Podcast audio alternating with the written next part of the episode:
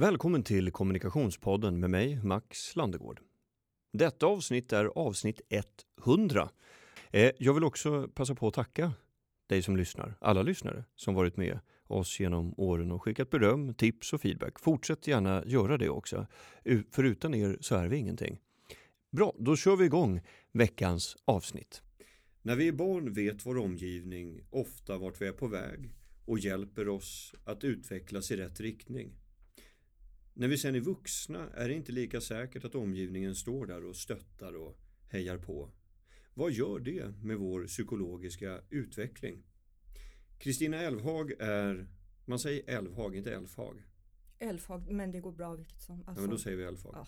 Kristina ja. Elfhag är psykolog och har skrivit boken Livsutvecklingens psykologi som plöjer igenom många områden av det mänskliga medvetandet och hur världen sett på vår utveckling genom århundradena också. Det är, en väldigt, det är ju liksom en, en bibel om, om livsutveckling som du har skrivit. Wow. Jag menar, fem, vad är det? Nästan 600 sidor va? Ja, 500 i alla fall. 500, ja. Varmt välkommen till kommunikationspodden Kristina Elfhag. Tack. Eh, kul att ha dig här. Jag har eh, Eftersom jag är småbarnsförälder så är mitt attention span väldigt eh, kort. Så jag har umgåtts med den här boken ända sedan i augusti. Wow. För att, eh, och vi har ju försökt att boka upp det här ett par gånger men det har ju ja. av lätt insedda skäl inte, inte funkat för jag har inte hunnit läsa klart det. Ja, just det. Därför. Så, ehm, men nu, kul att vi får till det. Ja. Du var inne lite grann på det innan vi drog igång på annonseringen och så. Varför har du skrivit den här boken? Ja, i, det behövs en teori, en modell för vuxenlivets utveckling. För Eh, Eh, vi vet ju redan ganska mycket om barnets utveckling. Men eh, det saknas samma självklara förståelse för att vi även i vuxenlivet går igenom faser och eh, kämpar med saker eh, för att kunna komma vidare.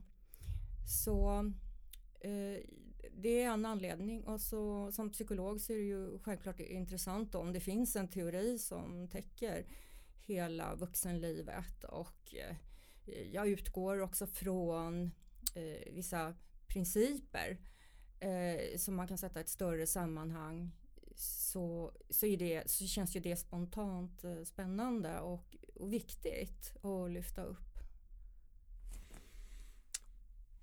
I boken så anger du att det finns fem faser i den psykologiska livsutvecklingen. Visst är det så fem? Eh, ja, eller fast det, ja, det är egentligen sex stycken faser då, för det finns ju den som är nollan. Ja, just ja. det. Just det. Var, så, tack för att du rättade mig. Men, men vad kan, kan, kan vi bara mm. lite, jag menar det kan man ju prata en, en hel livstid om, de här olika mm. faserna. Och det beskriver du också på ett förtjänstfullt sätt i boken. Men om, om jag får besvära om att kanske koka ner det lite grann. Eh, så att man snabbt får en liten överblick om de här sex olika stegen så kan vi gå igenom dem lite längre fram. Absolut. Vi tar en kort variant. Ja. Så börjar vi med barnet. Eh, och det som är fas 0 då, då, innan det finns egentligen ett eh, formats det som betraktas som ett eget jag då från födseln fram till kanske ett och ett halvt år. Eh, och eh, då är det styrda av eh, ja, reflexer och eh, sinnesintryck. Och sen så kommer det impulsiva och det kallas det symbiotiska skedet och sen eh, därefter kommer det impulsiva skedet. Då är barnet eh, behärskat i mångt och mycket av sina impulser. Lever mycket i en fantasivärld också. Och sen så någon gång, eh, ja lite före skolåldern eller senast då, då i, i, vid skolstarten så eh, kommer barnet in i det egocentriska skedet då man lyckas behärska sina impulser. Um, ofta, oftast i alla fall. Mm. Och då är de 6-7 år? Ja, eller? precis. Mm. Och, och, blir skolmogen. Mm. Uh, och utgår väldigt mycket från sig själv då. Det är det som är meningsskapande, vad man själv vill och så. Uh, och i början av tonåren då kommer den första vuxenfasen, då påbörjas den första vuxenfasen, det socialiserade skedet. Och då händer en massa saker och relationer fördjupas och vi får en förmåga till abstrakt tänkande, kan reflektera över eh, vårt inre, våra känslor. Så tillkommer många funktioner här efterhand men vi växer in i grupper, eh, tonårsgrupper kanske först och sen i samhället. Och Eh, sen eh, stannar ju många där men att vi kan också eh, bryta oss ur det här och börja forma mer av egen identitet och egen livsväg eh, och ta allt fler fenomen i ökad betraktelse, få mer perspektiv. Och sen så finns det också möjlighet att kliva ut ur även det här fasta jaget som vi har då. Och, fasta jaget, vad då? Ja, för att vi, vi, jaget formas ju och under, alltså, under hela, ja, hela den här föregående utvecklingen eh, kan man säga att vi får mer och mer av ett eget jag eh, eh, som ökar också i komplexitet men det handlar fortfarande mycket om att vi identifierar oss med på ett visst sätt och som tonåringar eller unga vuxna eller ja för många hela livet så identifierar vi oss då med en grupp om man är på ett speciellt sätt.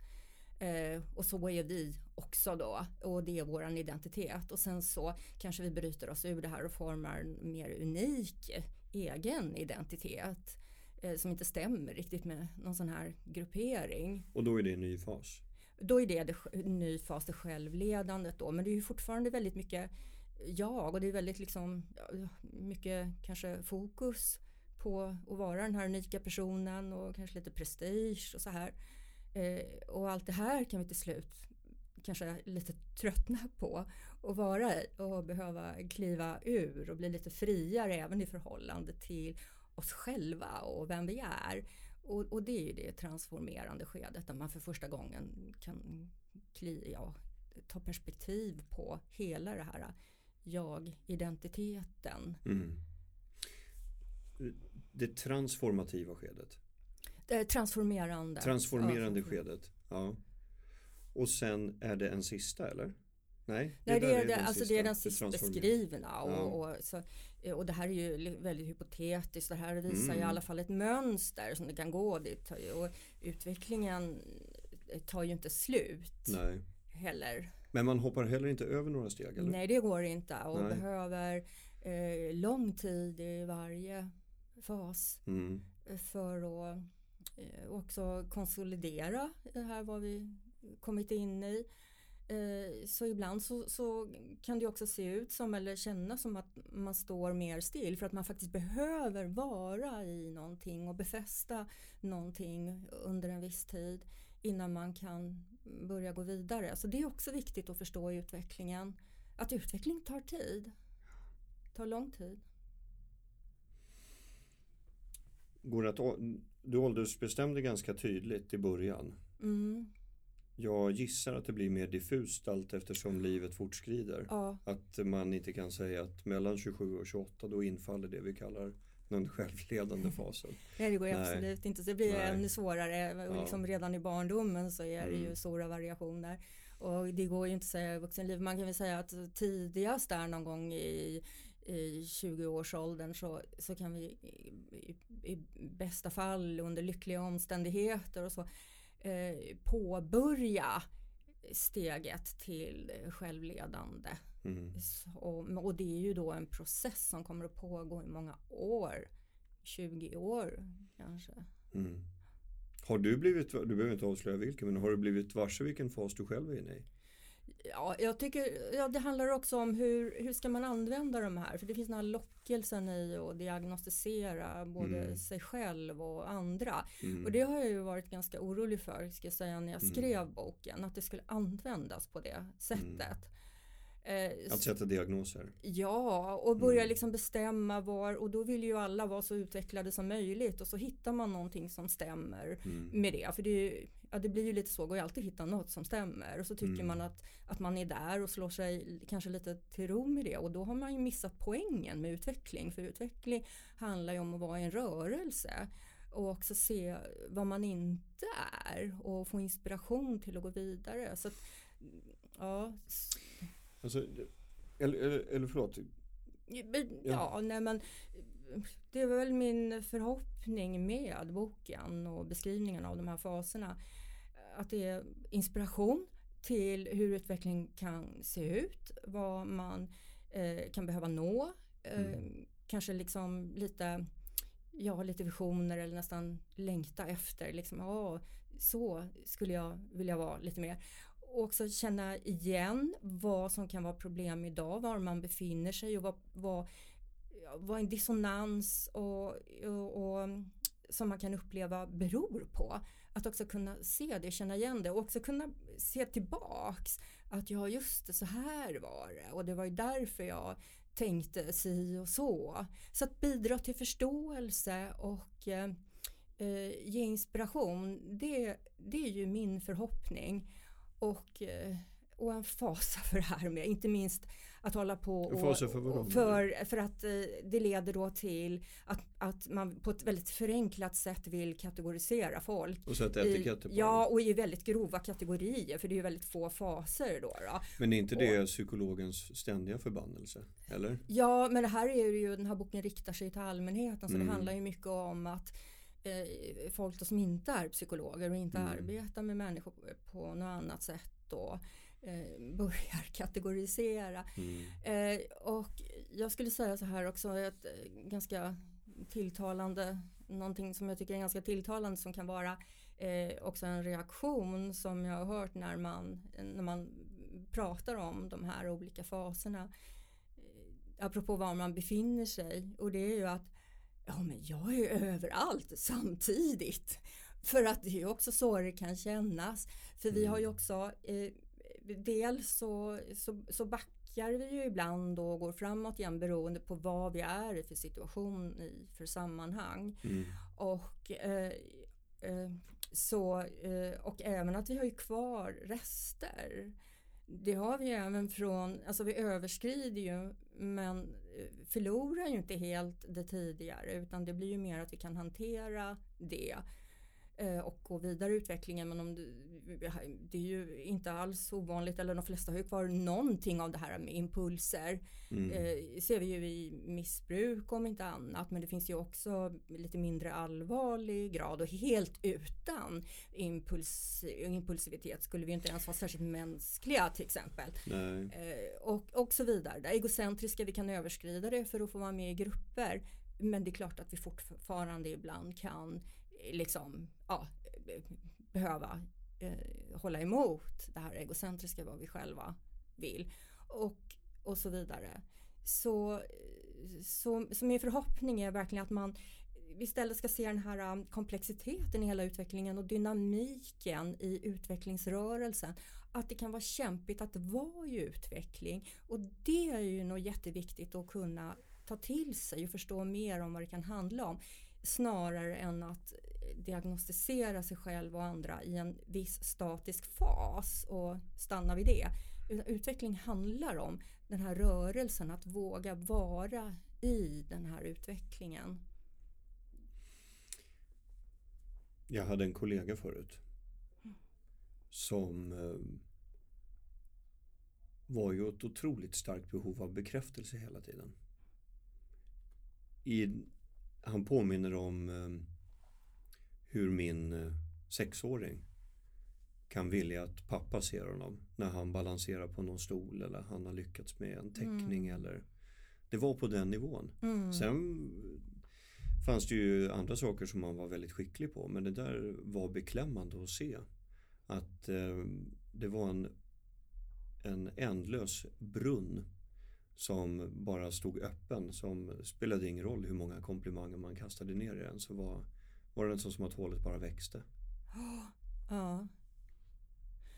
Det där kan ju handla om så många olika saker ja, också. om du är liksom inne på utvecklingsbestäm och så finns ju så många andra ja, psykologiska faktorer. Och, Absolut, det behöver inte alls ha med det att göra. Som, som, man, liksom, och, som man behöver fundera över också. Och vad vi inte är klara med också i utvecklingen vad som är Nej, det, det var bara det var ju en koppling som jag som lekman och medmänniska gjorde att när jag läste boken så började jag tänka på honom lite och, mm. och reflektera bara kring att han kanske stannade i utvecklingen Mm. när det kom just till den specifika biten i att eh, behöva söka bekräftelse från, från sin omvärld. Liksom. Men Ja. eh, som sagt, jag har ju ingen aning om vad, vad det var. Ehm, det var ju du som sa det där, som jag inledde med, att vi som barn har vuxna som hjälper oss att utvecklas. Men vuxna har inte alltid samma stöd. Mm. Eh, har det alltid varit så? Eller är det signifikant för tiden vi lever i nu? Ja, eh, det kanske det är att eh, det finns en väldigt stor vilsenhet idag kring ja, vart livet är på väg.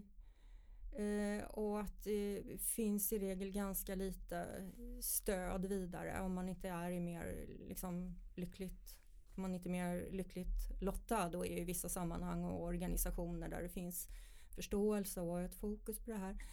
Mm, men vår kultur i stort, eh, vår samhällskultur i stort ger ju inte särskilt mycket ledning till utveckling i vuxenlivet. Eh, om vi tittar tillbaks då, då på 1900-talet så också det här med folkhemmet som vi, varit, ja, som vi började Ja, vi prata pratade om lite vi om här innan. Hällde upp te och Ja, kaffe. precis Snackar vi om folkhemmet. så, så fanns det ju där en ambition eh, till folkbildning också. Eh, och eh, det var en väldigt medveten ambition som också kom att prägla ja, skolväsende och eh, ja, att vi fick folkbibliotek och folkhögskolor och alla våra eh, kvällskurser och så Mm. som vi har haft i Sverige.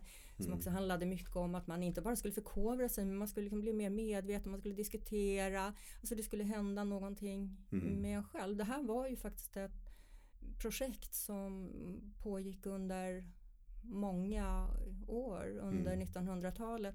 Och som vi tappade sen. Mm. Även eh, skolväsendet. Att skolan förändrades och gav kanske tidigare faktiskt mer ledning och redskap till att hantera oss själva och livet och eh, ökad komplexitet. Mm. Så, så det är i jämförelse med idag. Å andra sidan idag har vi ju med teknikens hjälp har vi också möjlighet att hitta väldigt många källor som skulle kunna berika oss. Eh, Men frågan är ja, om, man, om man gör det, om, Mm. om folk hittar det här själva. Eh, om, om man hittar en sån här väg och det tror jag att väldigt många inte gör utan det behövs någon form av ledning, inspiration tror jag. Eh, utifrån också. Som, som en draghjälp då. då lite vägvisare liksom. Ja, men hur, hur ska man gå tillväga hur ska man göra? Och att eh, man också behöver få möjlighet att eh, diskutera och reflektera över saker med andra människor. Och, eh, och ibland tycker jag väl kanske att eh, kulturen missar sin möjlighet till att ge den här näringen som vi behöver i utvecklingen. Och vi kan ju se på ja, TVs Mm. underhållningsprogram kan ju ibland rent av att sägas vara fördummande då. Mm. Så att det- Vilka, vad, vad, vad, vad tänker du på? Ja, nej, jag kan inte ta exempel men det är väl liksom bästa sändningstid och det kan ju vara eh, mycket program som ska vara kanske roliga på något sätt men Mm. eh, Ullared lite- och Bachelor och Ja, jag känner inte till, alltså, jag har bara liksom råkat komma in på några och, och tyckt att, att, att det är lite synd att man Mm. missar liksom att ge det som skulle kunna vara mer substans. mm. Så, ja, så det är idag kanske finns massa egentligen bra utbud men vi hittar inte riktigt fram och det behövs också sammanhang att vara i. Eh, och, och, eh, eh, och arbetslivet också kan ju för, för några vara möjligheten till utveckling. Organisationer som är mer framsynta och ser behov av utveckling hos sina medarbetare Mm. eh, där man får möjligheter och nya arbetsuppgifter och ha egna visioner och leda sig själv. Och, Känner jag inte igen. ja, nej, och liksom, men där det finns, Mm, då är ju det ja. en möjlighet. Och, och andra arbetsplatser där det inte finns så blir det tvärtom då. Ja, pressar man ju nästan tillbaka. Du säger att livsutvecklingen handlar om att man som människa går mot en ökad komplexitet av att betrakta sitt eget liv och sin omgivning. Ja, ökad... Vill du utveckla mm. lite? Ja, vi kan titta på det här med ökad komplexitet först. För att mm. det är ju ja, principen för utveckling, hur utveckling går till är ju samma princip som gäller i, även i evolutionen som handlar om att det är system som självorganiserar sig genom liksom information från omgivningen. Och i evolutionen ser vi att det här har lett till ökad komplexitet från liksom encelliga till flercelliga organismer och så vidare. För att det gynnade överlevnaden helt enkelt, den här ökade komplexiteten.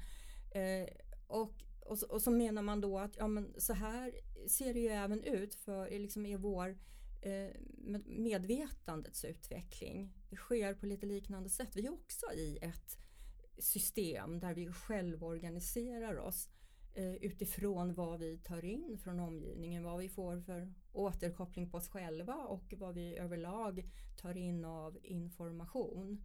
Eh, så, eh, så där har vi ju principen att vi går mot ökad komplexitet om vi är i en utveckling som fortsätter. Mm.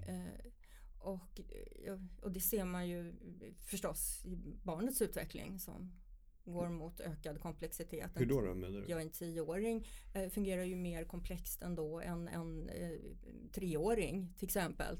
Så, ja, ja, du menar så. Ja. ja eh, så, så, på olika sätt och eh, ja, du frågade liksom ja, komplexitet i hur vi betraktar oss själva.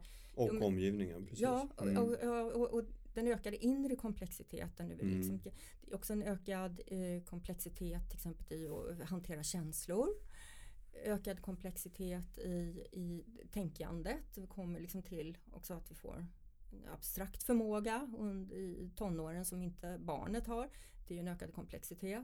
Kan börja reflektera över oss själva våra känslor i, ungdomslivet i alla fall på ett sätt vi inte kunde som barn. Och sen så kan ju det här fortsätta så att mm. man kan ta allt mer ökad betraktelse och se mer, eh, se mer komplexitet. Också se tillvaron mer och mer. Så ta mer i perspektiv, ta kanske samhällsfenomen i perspektiv, perspektiv. Mm. Fundera över teori, olika teorier så här, hur de mm. förhåller sig till varandra. Då är vi ju i en ökad komplexitet. Skillnaden som du beskriver av den socialiserande respektive den självledande fasen. Hur många av oss kommer dit? Ja, det här med siffror eh, har jag ju fått jag vill ha ett, frågor ett, exakt siffra tack. Precis, och mm. det här blir jätteknepigt. Och de siffror vi har är ju i så fall från USA okay. också. Mm. Och eh, man får ta det med en stor nypa salt. För det är också undersökningar som i de flesta fall inte är publicerade i vetenskapliga tidskrifter och granskade och mm. så här. Men, men visst, det är väl ändå eh, ett hum om hur det kan se ut då. Och eh, då kan man väl säga att över, i USA då i alla fall, mm. över hälften ja. eh, är kvar i det socialiserade eller ännu tidigare, alltså har vuxna som inte har kommit in i det socialiserade. Ja, alltså över hälften av de åldersmässigt vuxna. Ja, ja exakt. Ja. Mm. Är kvar i det socialiserade eller, eller tidigare. Mm. Eller tidigare. Och när man säger socialiserade bara för att återknyta till det du inledde med för att beskriva de här faserna. Så är det slarvigt av mig att eh, tolka det som att man överordnar gruppen framför sig själv. så att säga. Man, man reflekterar inte riktigt över vad man har för egna... man har, in, integriteten är inte har inte så höga trösklar utan man har en gruppidentitet som är överordnad så att säga. I den socialiserande ja, fasen. Överordnad, man, ja, man är ju sammansmält med den. Man är ju mm. ett med den. Man är mm. ett med gruppen. Mm. Det är ju så man upplever sig själv. Mm. Eh, att man är som man är i den här gruppen. Alltså det är ju inte riktigt att man tar perspektiv på liksom och ser att ja men gruppidentiteten är Mm. överordnad den jag egentligen är utan man är ju helt sammansmält med det här och kan ju inte riktigt se det utifrån utan det är ju först när vi rör oss vidare som man kan få perspektiv på och se det vi har varit tidigare, betrakta det vi har varit ett med. Mm. Så jag ska tillägga de här äh, siffrorna då som det vill ha, sen, det, de stora skillnaderna blir ju sen också om man tittar på de med högre utbildning Mm. eller inte. För att eh, då blir det ju helt klart att med högre utbildning så, så är det ju allt fler som eh, har rört sig ut ur det socialiserade och befinner sig i det självledande. Så det är väl, eh, det är väl där man kan säga att man ändå ser ett ganska säkert mönster. Mm. Beror på vilken högre utbildning man, man läser? För jag, jag, jag har ju pluggat alla möjliga kurser och ibland så kan man ju skönja på vissa fakulteter så är gruppidentiteten väldigt viktig. Till skillnad från andra. Eh, ja, ehm, Fast det kanske drar till sig en viss typ av människa, jag vet inte. att gruppidentiteten är liksom som i förhållande som gäller det yrket Ja, då precis. eller? Ja, jo, Eller den eh, kanske akademiska, tankemässiga disciplinen. Ja eh, och det är ju Alltså för utbildning är ju någonting som vi går ganska tidigt i livet, Mm. som unga vuxna. Mm. Och då är det inte så konstigt att det blir liksom som en ny gruppidentitet. Och Nej. det här yrket man ska in i, att man identifierar sig väldigt mycket med det. Det kan ju egentligen vara ganska naturligt under en period om man, man är mm, kanske ja, tidiga 20-årsåldern. Ja, jag tänker väl mer på de där kurserna man går som inte leder till några yrken. Okej, jaha. okej. Humaniora. Ja, det verkar som du har gått eh, massa Strö- ja, strökurser. Massa strökurser. Ja. Men du frågade Då mig. stöter man ju på alla möjliga. Ja, det kan människor. jag Mm. tänka mig. Mm. Men oj, du frågar så här, eh, liksom, eh, vissa utbildningar leder Nej men jag, jag kräver inte att du ska ha svar på nej. Nej, Eh, jag, nej, men det, alltså, för jag det bara, finns ju ingen- var en tanke från uh, avbytarbänken här. Jag har ju ingen forskning som, som jag eh, kommer på direkt som jag har läst, som, Mm. men det kanske finns. Ja, men det- visst kan jag tänka mig att det är så, att det är yrken, alltså det handlar mer om eh, ja, orientera sig i olika teorier Mm. och eh, se hur de förhåller sig till varandra. Och att det kan ju förstås kanske sporra oss mer, utmana oss mer utvecklingsmässigt Mm. än någonting som kanske är väldigt bara praktiskt eller ja, matematik kanske där det finns eh, säkra svar. Vi Mm. ska bli mer och mer avancerade hur man kommer till de här lösningarna. Det, det är ju ett annat sätt att tänka då. För, för om, jag får, om jag bara får fortsätta då kanske på det här med såna här frekvenser här då, hur många som Mm. är var. Ja, Så när man förlåt. kommer då till, ja nej nej, men jag tänkte bara att det skulle passa bra in jo här. men förlåt, jag, jag är så kvastig liksom. Ja, Så, eh, associativ. Ja. Ja, men det är jättebra. Mm. Eh, jo, för att Ja, eh, när vi, ja, ett, ett annat sätt att titta på det för att se de här liksom, ja, hur långt man kan komma i utvecklingen i och med att det är så få som, som faller inom det här transformerande sista skedet när man tittar på de faserna och ett annat så att det blir väldigt osäker Mm. statistik överhuvudtaget.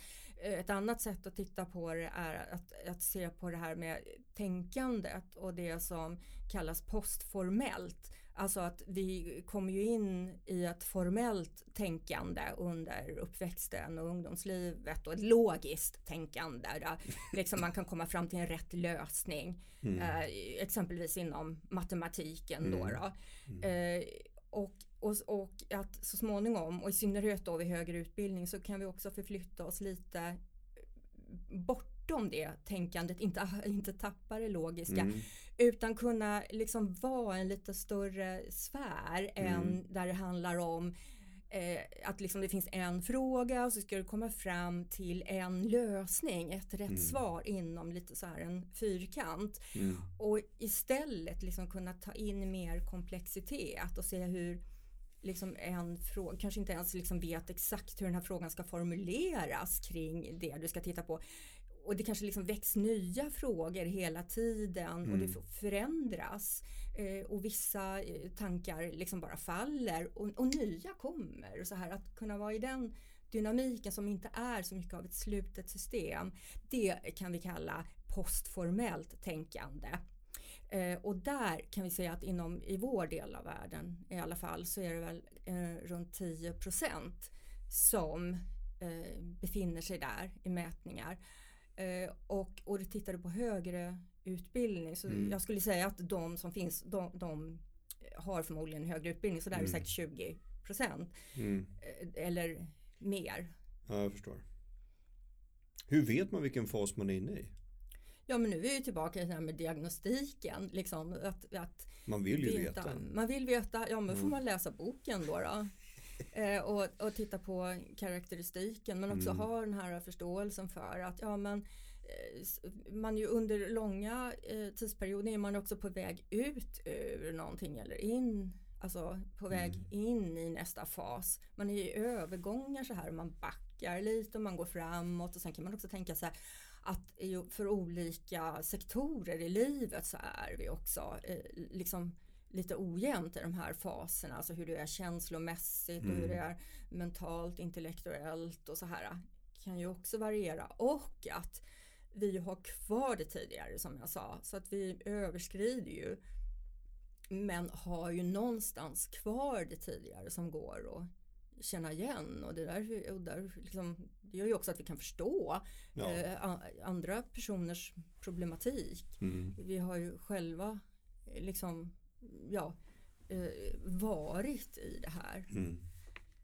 Eh, så det är ju det och sen så tänker jag också att det, det kommande liksom finns ju på sitt sätt som, som möjligheter. Det vi ännu inte har nått. Ja, ja. Det finns ju också som möjligheter. Mm. Så man inte ska bli sned på att man inte har kommit så långt. Nej, tycker jag absolut. Nej, nej, men absolut. Och mm. återigen, ja, det viktiga är att vara utvecklings och liksom det skulle, mm. jag skulle nästan sätta fler utvecklingspoäng för den som eh, liksom sätter sig själv i lite så här tidigare skeden inser att det här är inte riktigt klart av men gud nej. vad jobbigt det här är och eh, jag känner verkligen att jag kämpar med mig själv mm. och eh, behöver komma ut det här och verkligen är i den här kampen skulle jag ge fler utvecklingspoäng än någon som tycker ja, nej men jag har ju redan kommit hit. Eh, så här långt har jag kommit, här är jag. Liksom. Mm. Gud vad bra, vad skönt.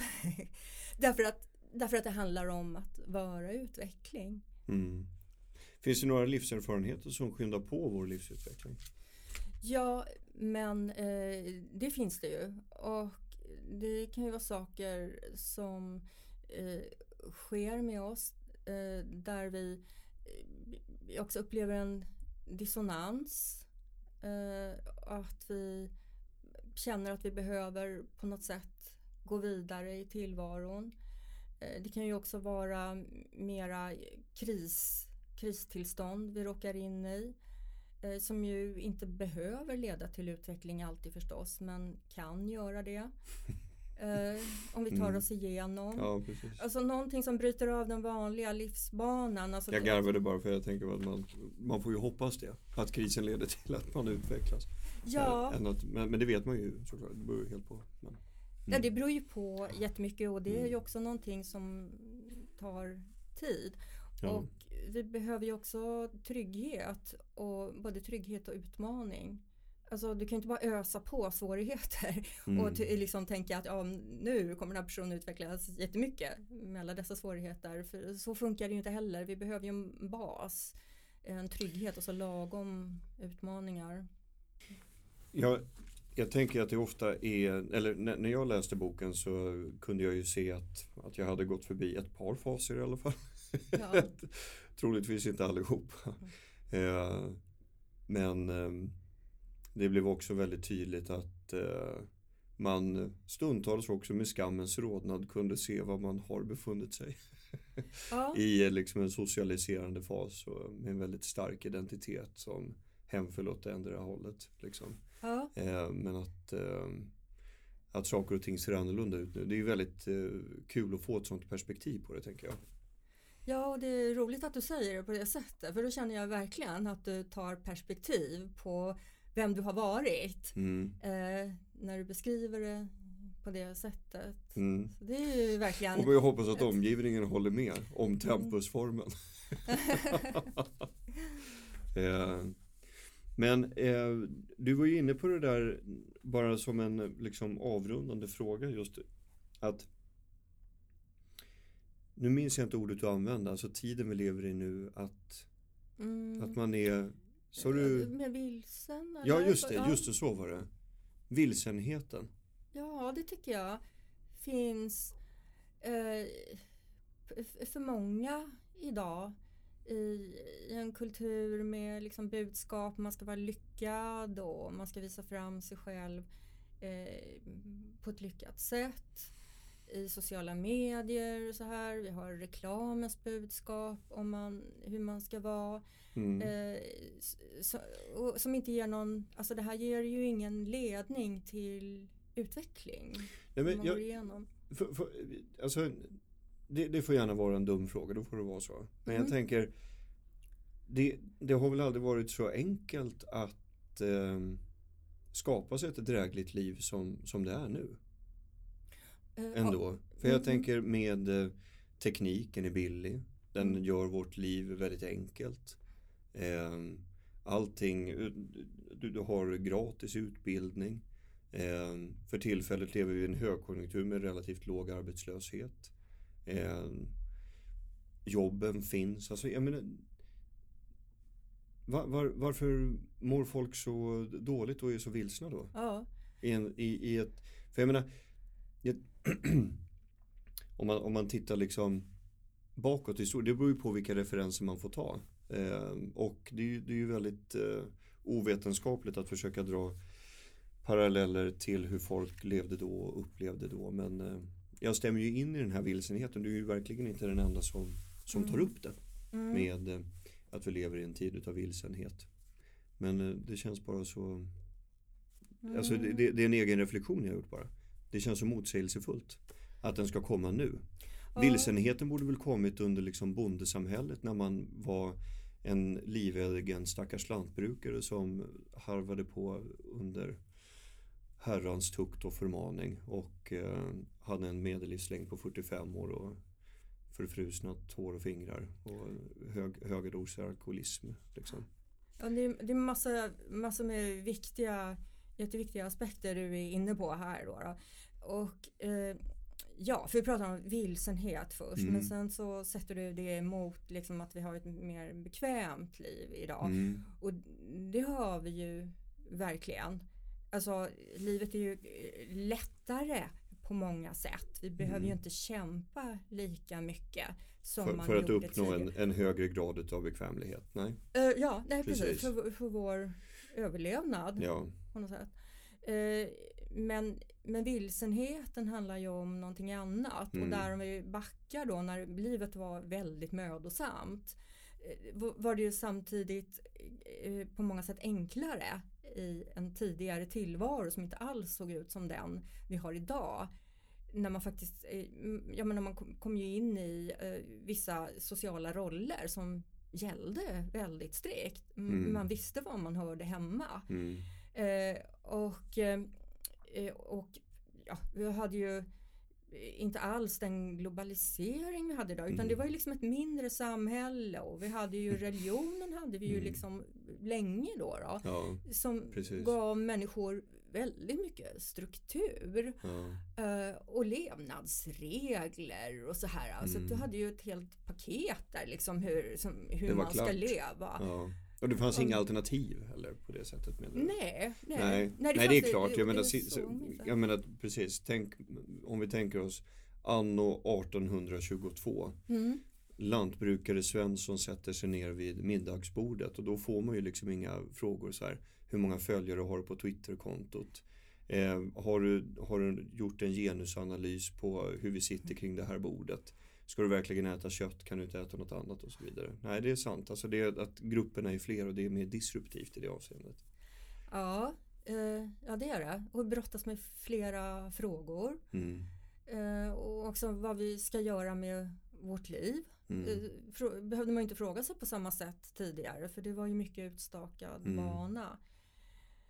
Och eh, ja, hur man liksom navigerar i den här världen behövde man ju inte fråga sig eh, då, vad sa du, anno 1822. Ja. Alltså för du, vadå, du skulle gå till kyrkan på söndagen och mm. lyssna till prästens predikningar mm. och sen så skulle du gå hem och, och ta hand om de och de sysslorna mm. och, och så här.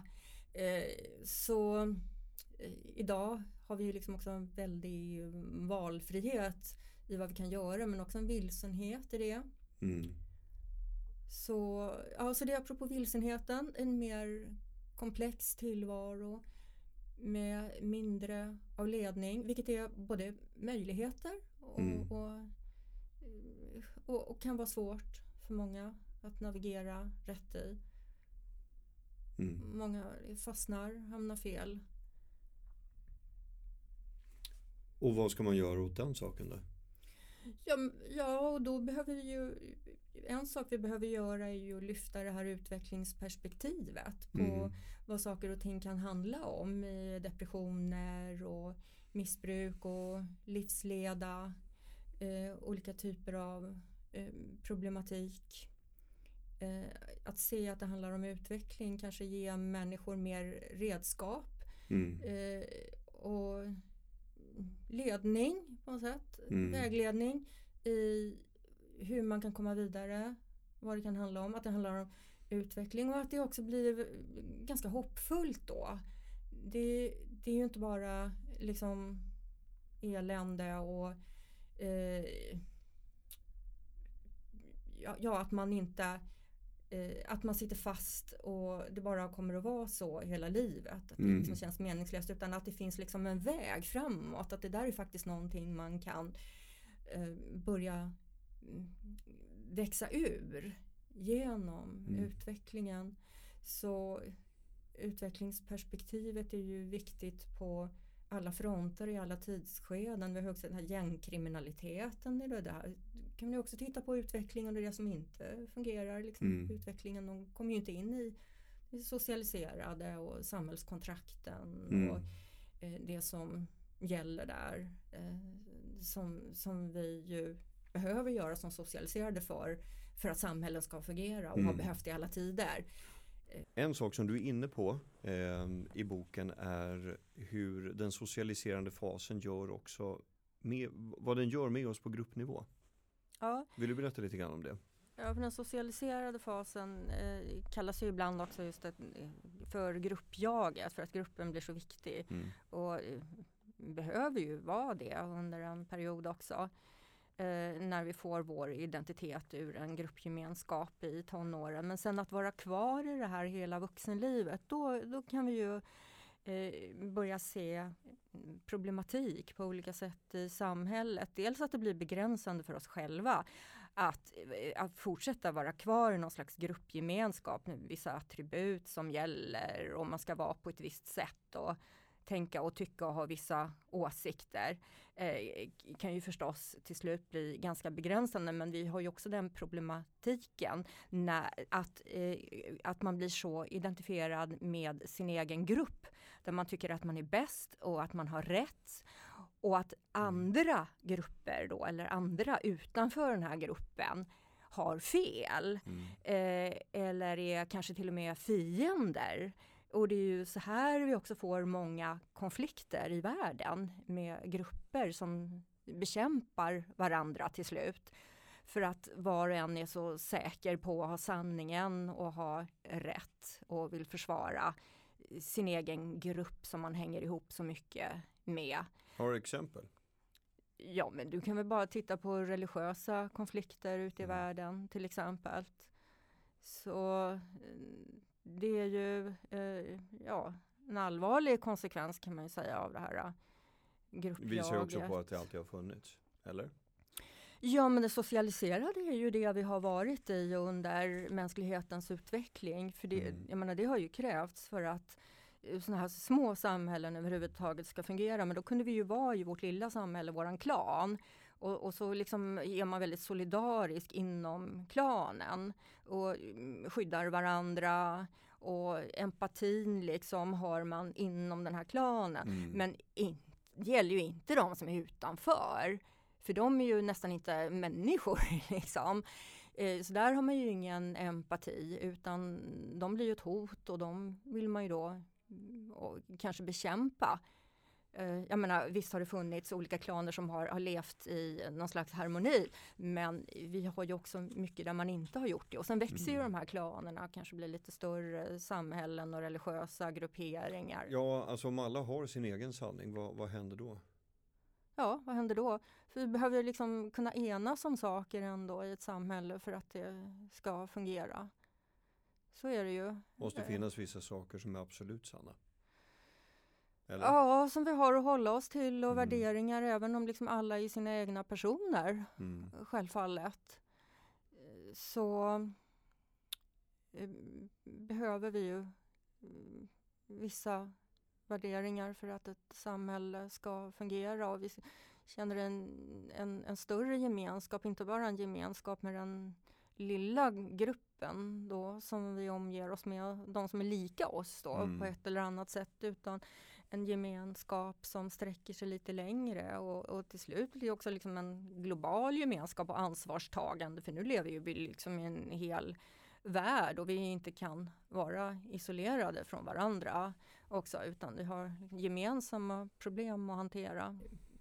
Ja, från det då till eh, till de här livskriserna mitt i livet. Det ser bra ut kanske på ett plan och man har eh, uppfyllt någonting man verkligen ville mm. med yrkesliv eller familj eller någonting och ändå känns det liksom tomt. Att, mm. ja, var detta allt? Frågan kommer liksom då.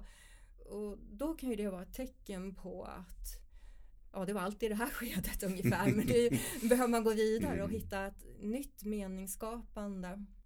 Jag tänkte att vi skulle kunna avsluta med en låt av eh, Peter Lemark. Han hade ett sommarprat 2008 där han berättade om en släkting som skruvade upp volymen på radion när han var ute och körde bil med henne. Då var det Lasse Stefan som framförde de sista ljuva åren. Peter Lemark som satt och körde, han stängde av radion. Jag har för mig att han, han sa någonting i sitt sommarprat att han tyckte att det var en fånig låt eller någonting. Mm. Men under sommarpratet så återvände han till det här minnet då och gjorde istället en egen version som en hyllning till henne, släktingen. Mm.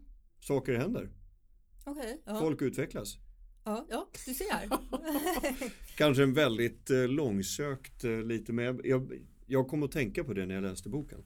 Att eh, där måste ju han ha liksom kommit in till insikt. Kanske inte att han kom in i en annan fas men det var, det var bara fint att han liksom kunde återvända till det. Ja. Tänker jag. Ser saker liksom, på nya sätt. Mm. Ja men exakt. Eh, så hoppet finns, inte bara för Peter Lemark utan även flera. Författaren till Livsutvecklingens psykologi och även psykolog med en forskartjänst vid Karolinska institutet, visst är det så? Eh, Kristina eh, Elfag, stort tack för att du ville vara med i Kommunikationspodden. Tack så mycket för att jag fick komma hit. När nattens mörker falnar och stillar sig till ro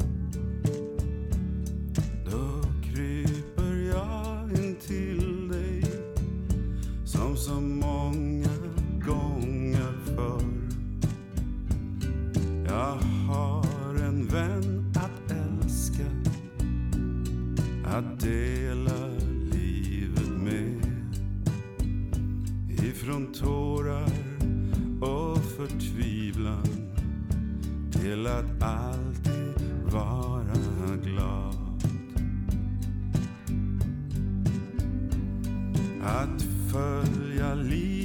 Slager var kanske inte lätt. Man fick glädjas åt det lilla och försöka handla rätt. Men ofta fann jag styrkan i att ha en vän som du.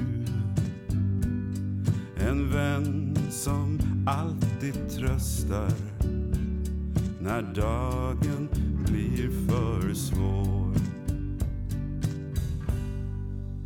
Så låt de sista ljuva åren bli de bästa i vårt liv Den lycka som vi känner Låt den stanna